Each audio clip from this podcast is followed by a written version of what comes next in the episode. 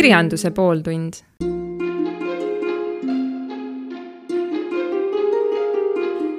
hea Põltsamaa raadio kirjandus pooltunni kuulaja, siin Heldur Lääne ja selle hooaja kolmas saade.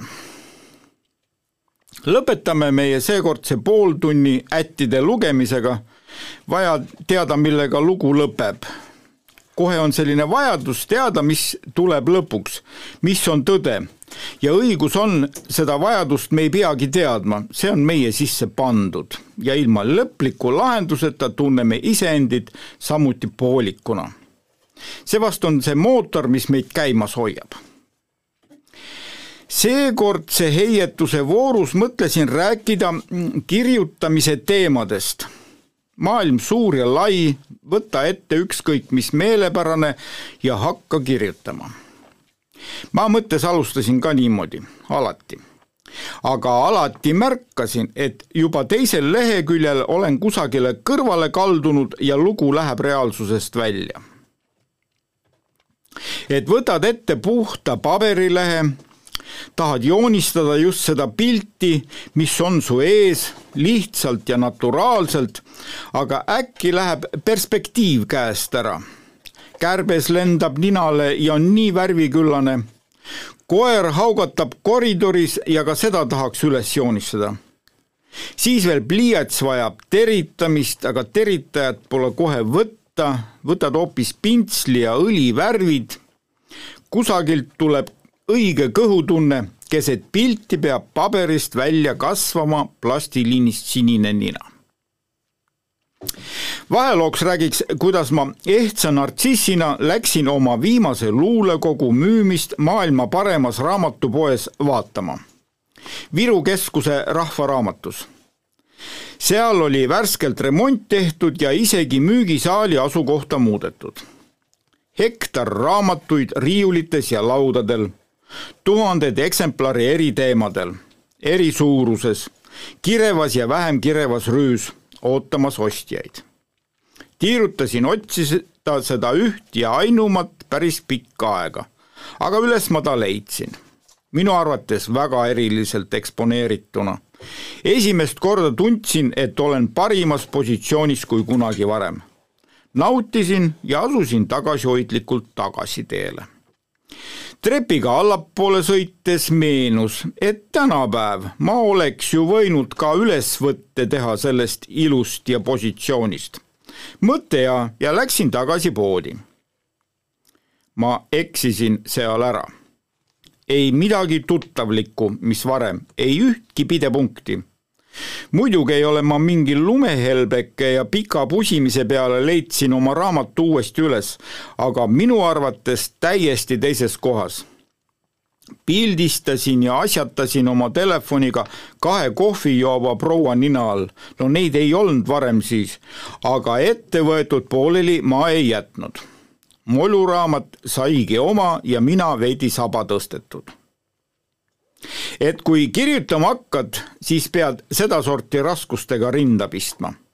ma arvan, et see peab väga suur tung olema, et üldse kirjutama hakata.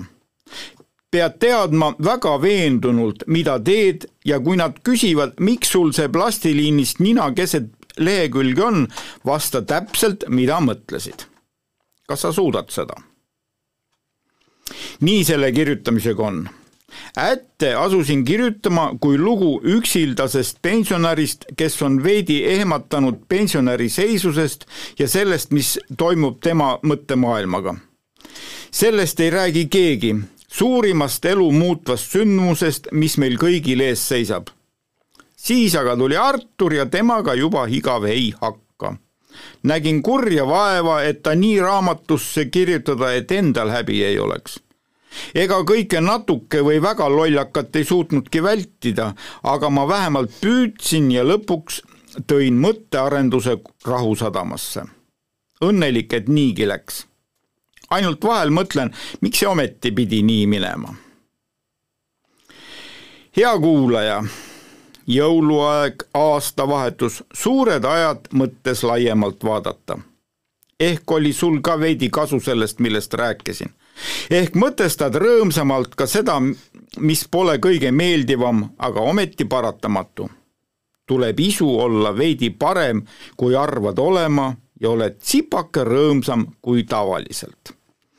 nii et aitäh sulle juba ette ära, aga nii nagu jutt oli, meil on raamat poolel ja nüüd peame siis edasi jätkama lugemisega, et teada saada, mis nende ättidega siis kokkuvõtvalt juhtus. kaheteistkümnes peatükk. kaugelt kostab kui häid hääli. Heldur sai veel, veel kord vanaisaks ja see tänaval saadud sõnum oli ühtaegu kui soe turgutus südamele ja kerge maavärin jalgadele. mõlemad nii reaalselt tuntavad kui ka mentaalselt arusaadavad. hing oli väga rahul ja õnnelik, sõnul seletamatult ja ka jalgealune vibratsioon võbises mõtetesse. mis nüüd edasi, mis on tema osa ja tegu? kui üldse vajalik.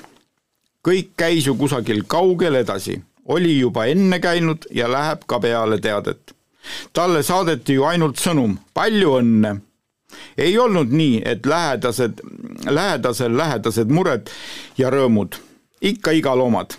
Nad ei olnud teda juba pikka aega otsesõnu vajanud kui siis vahel helistati mõni kiire küsimus, aga sinnapaika kõik jäigi. kas nõu võeti kuulda, kas üldse vastaja mõttekäigust ja loogikast aru saadi, seda ei saanudki teada. ja seekord siis sedapidi. ei saanud tema aru, mida õnnitlusel silmas peeti ja mõeldi. anti ainult teada või oodatakse midagi veel lisaks. mida sa hakkad selle teadmisega peale? rõõm oli muidugi oli, aga see oli veidi teistsugune kui mingi lihtne heameel, vaid sisaldas mitut üksteisele vastukäivat pinda ja tähendust. Neid sai ainult kompleksis vastu võtta, kui tahtsid aru saada. lapsed ju sündisid ka tema just nii, et siis anti vanematele teada, kui mahti viimaks oli eriti esimese lapsega, talveaeg, külm ja endal ikka alateadlikult hirm sees. kuidas läheb ja mis saab? sai nii nagu tavaliselt, pamp õnnelikult koju toodud, toad soojaks, uus maja jahtus hirmuäratavalt kiiresti. Ja õues oli väga kõva külm, aga seesama pamp oli äkki ise asja eest väljas kasvas ja kosus tundidega, mis need mõned magamata ööd tema kõrval tegid ja ükskord oli lausa rutiin käes, ela ja ole. magamatusega harjus kiiresti ja ka lapse eest pideva hoolitsusega. tema silmadelt sai sageli sellise õnneimpulsi, et jätkus päevadeks. või siis tegi mingi sellise vembu, et naera nabani kõik need sülle oksendamised ja näkku pissimised naeruluksatused või siis öö kestnud nutuood, mis lasid hommikul magama jääda ja sisse magada. oli kui tükk oma ihu ja samal ajal hoiule antud inimene, kes tuli vastutustundlikult suureks kasvatada, et ta saaks oma raja jalge alla võtta. tunnete segadus Helduri hirm, kuidas nad hakkama saavad, kui pole isegi kassipoega üles kasvatanud, ei leidnud kinnitust isegi tema sai lapsega suurepäraselt hakkama. ja siis oli peagi uus majas, elu koosneski laste ümber ja kaudu. hea, et ka suur seksisu taltus, sest kolmas tuli alles pika aja pärast tema sattus professionaalide kätte ja peab ütlema, et meistrid võtavad mõnikord asja ka kergekäeliselt. ühesõnaga, mõnda asja pidi kordama, tervikuna muidugi kõik hästi ah jaa, käisid ka vanemad midagi tegemas ja õiendamas, aga noorte ellu see sisu, e-, ellu see sisuliselt ei puutunud. elasid ju kaugemal, saadi lastega hästi hakkama ja kui olid pere tähtpäevad, siis näidati lahkelt ka lapsi, aga muidu milleks küll ennast väsitada liigse seltsieluga. niigi oli päris palju tegemist muidugi, korra aitasid vanad rahaliselt ja päris korralikult, kui eluruumidega olid suured kulutused, aga see oli ka kõik. veidi võlgu, veidi ületunde tööl, veidi mingeid kõrvalisi otsakesi. asi läks nii rööpasse ja rutiini, et mingi ükslõisus, luisus ja uue vajadus rabeles pinnale ei mahtunud kõik nelja seina vahele ja kui kord oli armas abikaasa ta ühele ja teistpoodi lahti loksutanud ta juurte pealt, ujus ta voolusunnil kaugele ja kõrvale. pikk kooselu tegi kui kala sabaga vonksti ja abielu lõhki. lapsed õnneks juba suured, traagikat väga palju ei olnud, aga ega seda välja ka väga ei näidatud siis jälle tsipa-tsipa jalgadega ning ometi sadam leitud. Mis siis, et teine elu selle ühe sees, aga ometi oma ja paljud lubav. ega oskaks siiamaale midagi teistmoodi teha, ainus lohutus, et ega see tegija ju ainult tema ka polnud. keegi veel ja tegelikult oli neid isegi päris palju, kes sellele hoovusele oma andsid ei olnud allaandmine, vaid seletus mõtete vaigistamiseks ja soov oli nüüd nii olla, et see enam ei korduks. Õppimise võimet oli, Heldur on üldse õppimisele aldis. vahel võtab küll pikka aega, enne kui aru saab, aga kui pusib, siis lõpuks ka saab tarkust ja tarmus jagus tõesti igasse päeva ja võetud sai viimast. Heldur oli saanud tunda oma oskuste ja võimete täit võimsust roninud igasse kõrgusesse ja kaugusesse. piisas vaid veidi sihti seada. enamasti jäi soovidest puudu kui soovide täitumisest. Nüüd siis järjekordne salasoov täitunud ja ta nõutana selle kõrval. mida tema peaks tegema peale rõõmu? tema, kes tegelikult tundis tagaselja alati väikest tänuvõlga elu ees ta ei olnud ju üldse kõige parem inimene, aga talle anti vahel lausa kapaga nii palju, et mõnikord mõtles, et kas head antakse vahel ka karistuseks. See nägi ju nii välja, uskumatu Toomas oleks tema isa öelnud, meenus tagantjärgi, aga siis tuli uus kahetsuse tunne peale, sest isa suhtes oli ju ka kuidagi liiga iseseisev, seisev olnud, nagu tema poeg täna temaga. et siis liiga palju empaatiat ei ole ka hea eriti kui empaatiat toota empaatia pärast. Kõige halvemad teod tehaksegi kõige õilsamatel eesmärkidel. hiljem ei suuda keegi lahti seletada, kas oli eesmärk alatult kõiki petta või suur sinisilmsus ja naiivsus viisid täiesti rappa miks sa pead alati kusagil esirinnas olema ja teiste elu elama? su enda elu on hea näide, kuidas asjad korda saavad ja tee nüüd ka nii istu ja oota, küll sult abi palutakse, kui vaja. kui ei küsita, järelikult saavad hakkama ja pole vaja torkida. noorte elu keerulisemaks elada. see tuleb neil nagunii, sest sa pole ju ainus lapsevanem. ole parem valvel vari pea kohal, alati valmis appi tõpp-, appi tõttama. aga ära löö kella pidevalt, ma nüüd tulen. see mõte oli Helduri silme ees väga tõetruu ja ajas naerma enda üle. oh sa mees, nii vana ja ikka pead veel elu endale lahti seletama, ikka veel läheb sind sellel elul vaja ja sa pead oskama oma kohta leidma. nüüd siis veatult ja eksimatult, et jääks veidigi vanaduse tarkuse lõhna juurde mis muud nüüd siis, need traditsioonilised käigud ja titevarbad, aga seejärel positsioonidele, passima ja igaks juhuks valmis olema see on su kohus ja koorem. neljateistkümnes peatükk. eile oli võrdlemisi töökas päev. hommik hakkas tõdemusega, et kas nüüd või mitte kunagi. õunapuud ajasid esimesi lehti alla, teised puud ümberringi ka kohati vägagi värvilised. see tähendas, et viljad väga küpsed ja mahl tuleb veiniteoks kätte saada väga paras aeg. kui teha palju ja tavalist veini, siis oleks pidanud ammu alustama, aga Heldur tahtis juubeliveini ja see pidi olema eriti küpsetes tõuntes. tal oli selline kiiks, et nii on kõige parem, mingi vaist ütles siis läkski lahti ettevalmistamine. mahla tegemise riistad olid olemas, aga need tuli üles leida ja välja kraamida.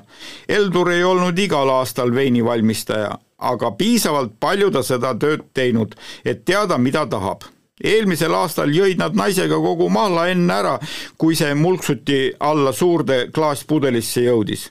lisaks proovisid nad mahla sügavkülmutamist ja see moodus sobis eriti hästi. alles sellel suvel viskasid toidukorvi kilenõu külmutatud mahlaga ja kui paari tunni pärast mere äärde jõuti, oli jääkülm, aga värske mahl piknikujoogiks võtta. Mere ääres meeldis neil piknikku pidada. Helduril oligi ainult mõni õunapuu, sellepärast pidi valiku tegema, kas mahlaks või veiniks. mõlemaks hästi ei jätkunud sellel aastal oli kuivavõitu, putukaid palju ja valmimine pigem hiline. seepärast venis mahlategu ja otsustamine, kumb ette võtta. eile sai kinnitust veendumus, et mõne aasta pärast tulev juubel väärib aastakäigu veini ja nii saab olema saaks sandivõitu, no ei hakka suvel paari puud taimekaitsevahendiga pritsima, tervisele pole ka hea. ja nüüd siis kergelt üle küpsenud, veidi ussitanud, hakkabki paremini käärima üks ettevalmistustöö oli veel, õunad pidi kokku korjama. nagu juba märgitud, oli tegu üleküpsenud saagiga ja enamus õunu puu all maas. Veidi raputamist ja mis jäi, see kõlbas hilisemaks õunakoogiks ka ära, las jääda. maas küll. maa peab kummardama. ülima härduse märk, mis hästi ei sobinud, pidi ära kannatama juba lapsest saati oli maast korjamine Heldurile vastukarva, alates peedi rohimisest kuni kartuli võtmiseni. temast oleks väga hea põllumees saanud, kui poleks olnud sellist vastikut koogutamist juba lapsena. Eile kannatas ta ära ja võttis asja naljana. veinitegu tuli rõõmsalt ja lustlikult toimetada, et kõik õnnestuks. õunad said kotti, ega neid tõesti palju ei olnud, aga see selleks mahla tegemine on üks pudrutamine, nagu Artur juurde arvas. tema tuli siis, kui õunad korjatud, ega tast väga abi poleks olnudki. äkki veel lisakulu tema aitamisega. Eldur oli asjade käiguga rahul, kui näpud väga külmad ja õuntepurusti voolust välja tõmmatud ja pestud, siis leidsid nad kahe peale keldrist ühe väga vana aastakäigu. teadagi mida, silt kahjuks ei olnud loetav, aga maitse küll. oma tehtu on ikka väga hea mahl oli külm ja jäi järgmist päeva ootama. isegi külmkappi joogiks jagus ja paar kolmeliitrist kotti sügavkülma. oligi päev läbi, rõõmsa tujuga ja andis lootust ka uueks ja meeldivaks. Täna siis jätkus veinitegu. tänane päev ei ole nii rahmeldamist täis, aga seevastu peab väga täpne olema mahlal oli väike vahukirme peal ikkagi elav ollus ja see tähendas head Heldur lasi tal ööga toa temperatuurile tõusta, käärima minek kindlam ja kuigi ilmselt oleks see mahl ka ise käärima läinud, kavatses Heldur veinipärmi lisada. kindlam on. enne kontrollis suhkrusisaldust. Riistad olid olemas, aga selles osas eelistas ta oma keelt kasutada. mahl oli tume ja lausa veniv happesust piisavalt, ainult veidi peab suhkrut lisama, et saada tõeline meistriteos. esialgu hoiab ta magusaga tagasi, las käib esimese käimise ära, saab paksu pealt maha, siis uus suhkur ja uuesti käima, alles siis hakkab virre kuju võtma. Heldur tahtis tumedamat kuldpruuni ja võrdlemisi tugeva maitsega magusapoolset ning kanget veini. desserdiks pigem söögi kõrvale leidus teisigi tal endalgi oli suveõuntest kuiva veini mõne, mõni pudel keldris seismas. aga sellega oli nii, et noored eriti ei hinnanud koduveini ja kui ta ise veidigi pidulikuma puhul oleks pannud laua peale, siis kas unus ära või ei raatsinud pudelit lahti võtta. kuidas sa jood söögi alla terve pudeli ära? klaasikesest äh, oli ju jutt sa vaatad seda pudelit kui kunstiteost juba praegu, mis siis saab, kui ta valmis on, irvitas Artur sõbralikult juurde. Aasi jah, aga nii see peab olema. Ega sa ei tea, kas ma imetlen niisama või loen mõttes sõnu peale, pani Heldur sõbrale mõttes küsimuse ette.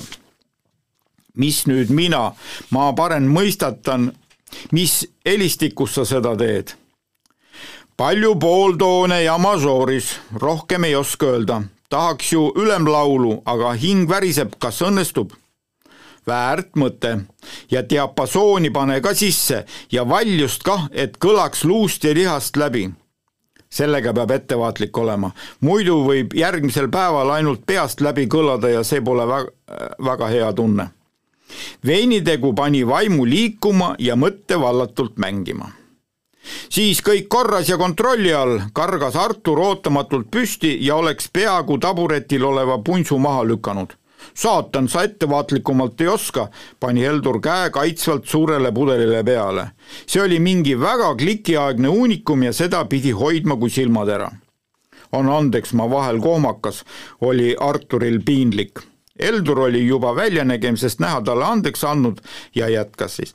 ma lähen silte pudelite peale koostama, sain hiljaaegu joonistamise programmi arvutisse ja alul proovisin, aga ega ei olnud sellega midagi peale hakata, nüüd alles kulub ära.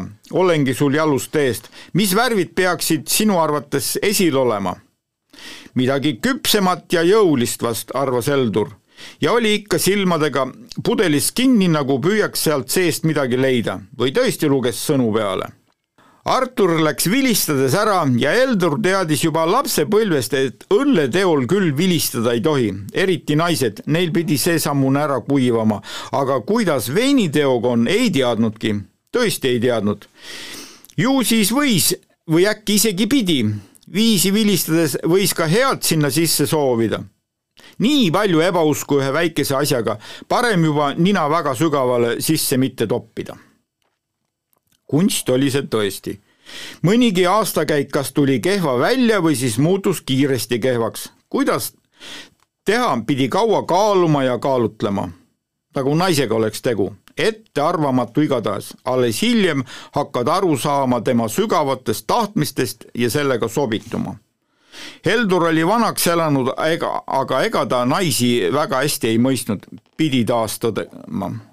kõige õnnelikum oli ta selle üle, et nüüd see teine elu oli stabiilne ja tugevatel alustel. selleks muidugi sobituti ja lihviti maha nurgakesi ikka väga palju tagantjärgi mõeldes oli tal esialgu hirm selle ees, kas ta üldse suudab teise inimesega pikka aega koos elada. Ja siis, et kas talle alati juhtuvadki sellised iseäralikud naised. aga lõpuks sai selgeks, et teise inimesega koos elamine ongi pingutus ja naised ei ole aabits, mida loed ja kokku veerid, vaid sisutihe ja paljutahuline romaan, mille kirjutaja on tegelikult lihtne ja samuti luust ja lihast inimene, aga tema mõttekäiku peab mõistma kui ta juba esimese mõistmise nähte tajus, hakkas asi sujuma. eriti õnnelik sai olla, nähes salamisi naise näos mingit rahulolu ja õnnetunde virvendust.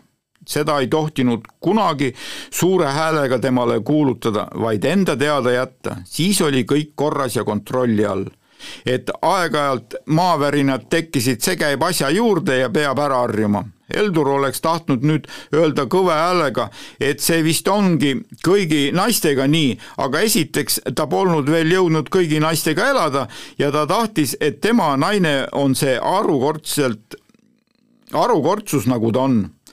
ta oli Helduri ainus ja kõige kallim ega armastust ei pea kogu aeg põlvili avaldama, aga igapäevaselt ei tohi seda nööri väga lõdvaks lasta. pinge on elu alus ja Heldur oli väga rahul veiniga alustame, veiniga lõpetame, elu kui vein käärimas meil, tuli Artur lustilisest tujust tagatoast ja näitas veinipudeli etikettide kavandeid. ise tegid, imestas Heldur neid nähes. Need olid midagi väga omanäolist. esimese mõttega tahaks öelda, et miks enne poleks selle peale tuldud, aga ilusad nad olid. Heldur vaatas lähedalt ja sirutas käe ette, et kaugemalt vaadata suurepärased. jäta alla nurka lahter, kuhu ki käsitsi kirjutame pudeli numbri, kuupäeva ja aasta. signeerime korralikult. väga hea töö panid juba ette lati väga kõrgele. mul kohe nii kõrge vastutuse koorem, kas suudan väärilise veini valmis teha? küllap suudad. heaks tulemuseks peab hea alus olema ja sul on kõik selleks. küpse mahl, head riistad, tarkus ja teadmine, minu poolt siis lõbus tuju ja korralikud sildid ette valmistatud. ja sul on piisavalt aega, see kunst ju toimib läbi aja, kõik see valmistamise protsess peab viimase sekundina kandma nagu heliteos. sina oled see dirigent, kes juhib ja küll see juubel siis ka ükskord juhtub. viieteistkümnes peatükk et nad siis ütlesid sulle diagnoosi ära, küsis Artur. no kuule, millessegi ju peab surema, arvas Heldur muretult vastu. see, et ta mu kindlasti viib, on selge jah üheteistkümnest kohast võetud proovid näitasid siirdeid pea kõigisse organitesse. Aga kulu kohta laiutasid käsi, mõni jõuab enne ise ära surra, mõni läheb poole aastaga. sul oli siis konsiilium ees? ei, istusime perega, naine, lapsed ja arst. oli põhjalik ju ettevalmistuse teinud, selgitas asjaolusid ja haiguse kulgu, tead, seal olid nii igavalt steriilsed valged seinad, et ma alles koju sõites meenutasin, kuidas need etapid välja nägema hakkavad. kuni viimase otsani pole väga muret, aga väike muret selle lõpuga on. valude vastu on rohtu. on küll, aga ma ei kujuta ette, mis sorti valud need on ma ju võrdlemisi paksunahaline olnud eluaeg, ma talun ka hambavalu hästi, aga see ju pole see. Aga hingevalu, küsis Artur ettevaatlikult. Heldur oli veidi aega vait, neelatas kergelt ja vaikib edasi see vist hakkab normaalseks muutuma, no millessegi peab surema ja lõpp tuleb meil kõigil Pole ju vahet, kuidas, ega auto alla jäämine parem ei ole. surmavalu ju ka ei tunne, sest siis oled sa kommentaaride andmiseks juba surnud ja valust prii, pole vaja muretsedagi. Aga usun, et lähedastele on see muidugi raske vastu võtta ja kindlasti ma ei taha mingit eru, erikohtlemist saada. tuleb see, mis tulla saab.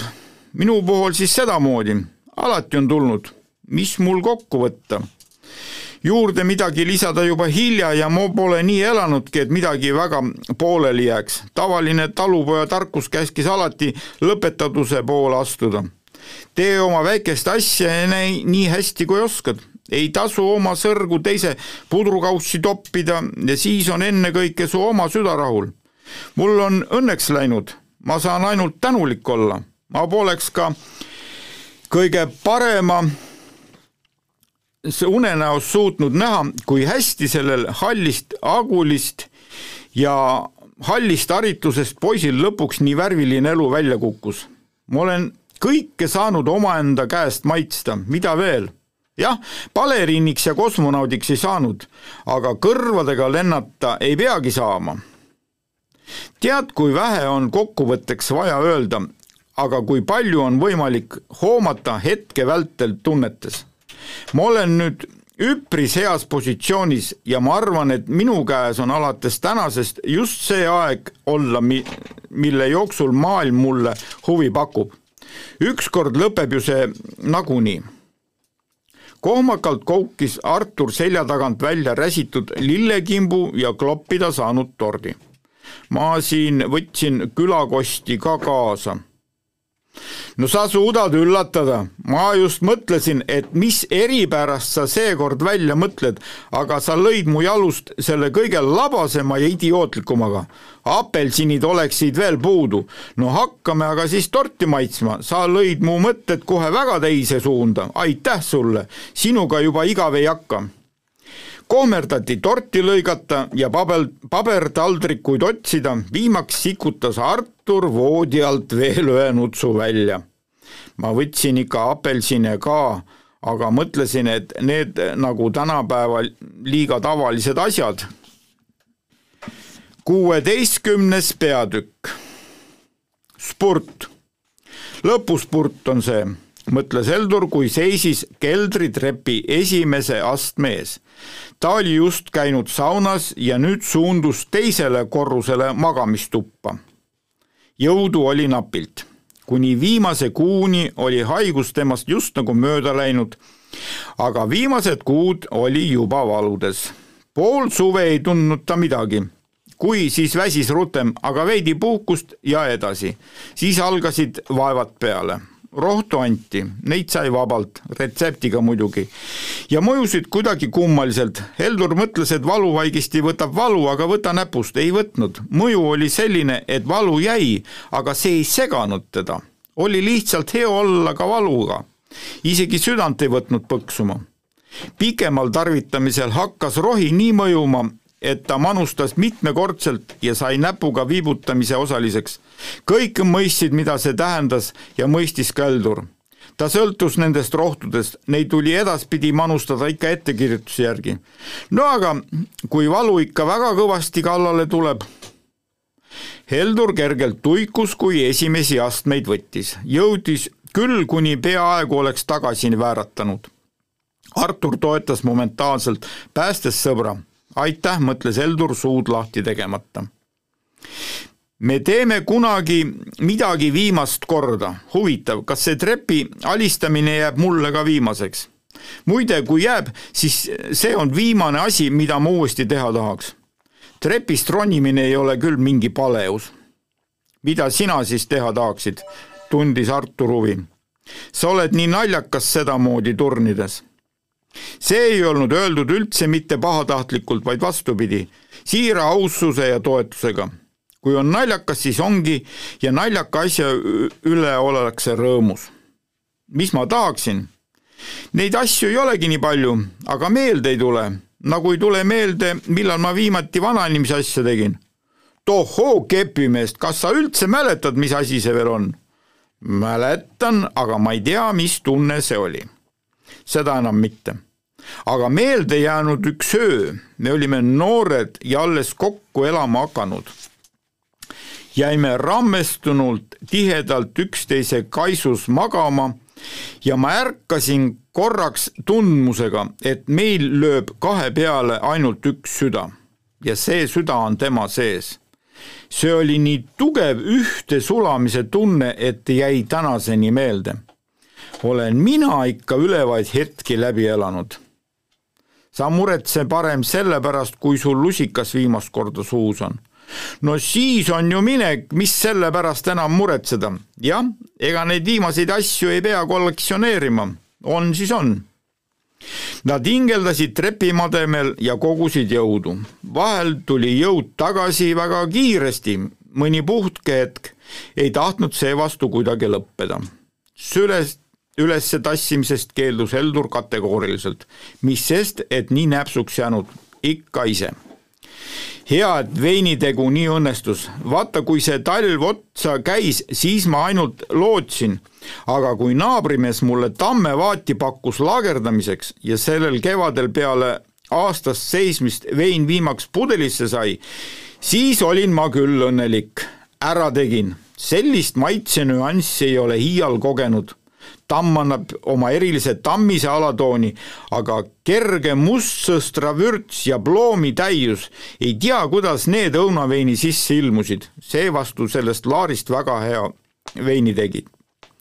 nüüd ma enam ei tunne maitset pea üldse, rohtude söömisest üks saepuru kõik, aga ma jõudsin selle töö küll õigel ajal ära teha. kohe algusest peale oli tunne, et kas nüüd või mitte kunagi ja selle pead sa ära tegema. tea, kas nad mõne pudeli lauale ka lahti korgivad või unustavad nagu alu-, alati. eks neil siis ju kiire ja palju tegemist, kindlasti unustavad, peaasi, et päris ära ei viska, andku või mõnele hulkurile sooja rohuks. ära nüüd sonima ka hakka, selle paneme su juubelilauale. ei, te panete ta just ja ma muretsen, et peielauaks jõuaks siin pole sonimise haisugi. viimaks jõuti magamistoa ukseni nagu kõrgele püünele. härrasmees astus sirge seljaga ise sisse ja tugevalt kõikudes sai hommikumantli seljast. magamisriided olid juba saunas selga pandud. ta vajus rahulikult oma armsasse voodisse küll oli hea investeering aasta tagasi osta uus pehmendav madrats lisaks. hind pensionärile päris kõbre, krõbe, aga oli seda väärt. Heldur lausa hõljus voodis. rohud jäidki võtmata. aga mis siis, kui läksid meelest, siis järelikult pole vajagi. ootamatult tuli meelde tema isa antud perereliikvia, isa vanaema piibel isa palus seda edasi anda järgmistele, nagu ka temale oli antud. jah, ajalugu oli veidike lühike, aga alguses see nii oligi. mõnel ajal olid reliikviad väga hinnas ja mõnel ajal lausa aeti ahju. kui juba viissada aastat läbi, siis hakati hindama ja hoidma veidi enam. Nende pere oma oli alles saja viiekümnene. see oli ainus asi, mida ta ei saanud lõpuni teha. Pidi ainult lootma, aga edasi ta saadab silme eest jooksid kõik lähikondsed läbi, kellelt palus andeks, kellele andis andeks, soovis kõike paremat, palus nende eest ja luges üle. Neid oli kuusteist inimest, rohkem ei olnud. viimane peatükk. läbi elu on Heldurile olnud silmale vaadata tavategemised hallid mõni eriti järgsal tõdemusel viskas ka veidi värvi, aga muidu sai mustade ja valgete toonidega kõik ära maalitud, pigem isegi ainult valgega, millele omad valged nüansid. valgega valgele maalides ei saanud eksida ja midagi musta enese sisse lasta, mis sest, et siis ilmusid ka puhtale valgele omad tumedamad toonid. Alles hiljem muutus kõik kuidagi imeväel värviliseks, siis olid meenutused kirkad, enne mitte. ka täna on kuidagi väga hall tunne. seesmiselt, aga ka silmale näha. igal päeval seda ei märka, alles tõdema hakates jääb ette ja hakkab häirima. vastikult silmatorkav haljus terve elu selle läbinud ja kui lahata kas hea või halb, siis see ongi see koht, mida mõista tema puhta püüdlus joonistab ise omad varjud samale puhtale pinnale. muidu ei olekski midagi kujutada, ainult üks valge pind. Heldurjärve tahtis oma elust mingit kujutist leida, kas või midagi pilvelaadset, aga mitte täiesti valget planku. tahad säravvalget elu, pead sisse laskma ka tumedamaid toone, seda ilmestama. karm värk ka Artur oli kusagile kadunud. täna oligi vist ainult must vari, et Artur on kadunud. muidu liikus päev ikka paremuse poole, mured olid läinud ja hea oli olla. oli isegi eelaimus, et läheb veel paremaks kaugelt kostis orkestri mürtsumist, vaikselt ja salamisi, aga rütm tungis kontidesse ja harmooniakäigud olid tuntavad meloodiast ei saanud veel aru, vaiksevõitu ja hääletu teine. aga selge oli, et see ei saanud olla mingi soolopill nurgas pinisemas, vaid ikka orkester, suur ja võimas. kas kaugel ja ei kosta või mängib nii osavalt, et oskab väga vaikselt ja sordiini all kosta. Heldur püüdis midagi toimetada, aga miski ei köitnud igav ei olnud, aga huvi puudus täiesti. kõik oli nagu valmis, lõpetatuse tunne oli. esimest korda elus, selline nüüd ongi kõik valmis tunne midagi sellist ei olnud ta varem kunagi kohanud, ikka jäi peale mõte, kust veel midagi juurde lisata. täna ei olnud nii, isegi mingid varasemad vajakajäämised olid imeväel ise paika loksunud lõpetatusel oli oma sisemise loogika, mis viis hoopis teiste asjade lõpetamisele ja voolis kõik kokku ühe terviku.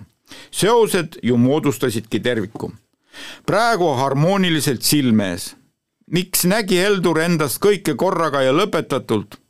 seda oleks tahtnud Arturi käest küsida, aga, aga Artur oli kadunud süda puhkas, hallus hakkas tasapisi üle minema, mõni värvilaik äratas tähelepanu. ka orkestrimäng oli vahepeal vist veidi valjemaks läinud, nagu üle ukse õue oleks astunud, kodunt välja ja millegi uus eesmärk silme ees, midagi uut koitis, lapselik pääsemise tunne, sest igavus oli üle, esialgu uudishimu, aga küllap tuleb ka tahtmine orkester mängis selgesti ja tuli järjest lähemale, suurepärane, aga kirjeldamatu muusika.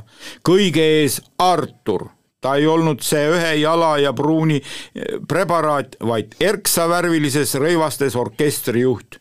kui suur kuningas, mis lastele ette anti kujutada aga alati veidi naiivselt. seekord kõik pea sama, aga väga tõe ja elutruu ja milline võimsus temast kiirgus, jõudude jõud ja Heldur oli juba sinnapoole teel. tema liikus orkestri poole ja orkester tema poole ja muusika oli valju kui raputus elust. see sisenes naha, mitte kõrvade kaudu ja järjest rohkem värve, nii värvilisena ei olnud ta maailma kunagi näinud. Artur oli tagasi Helduri ainus mure sellel päeval oli murtud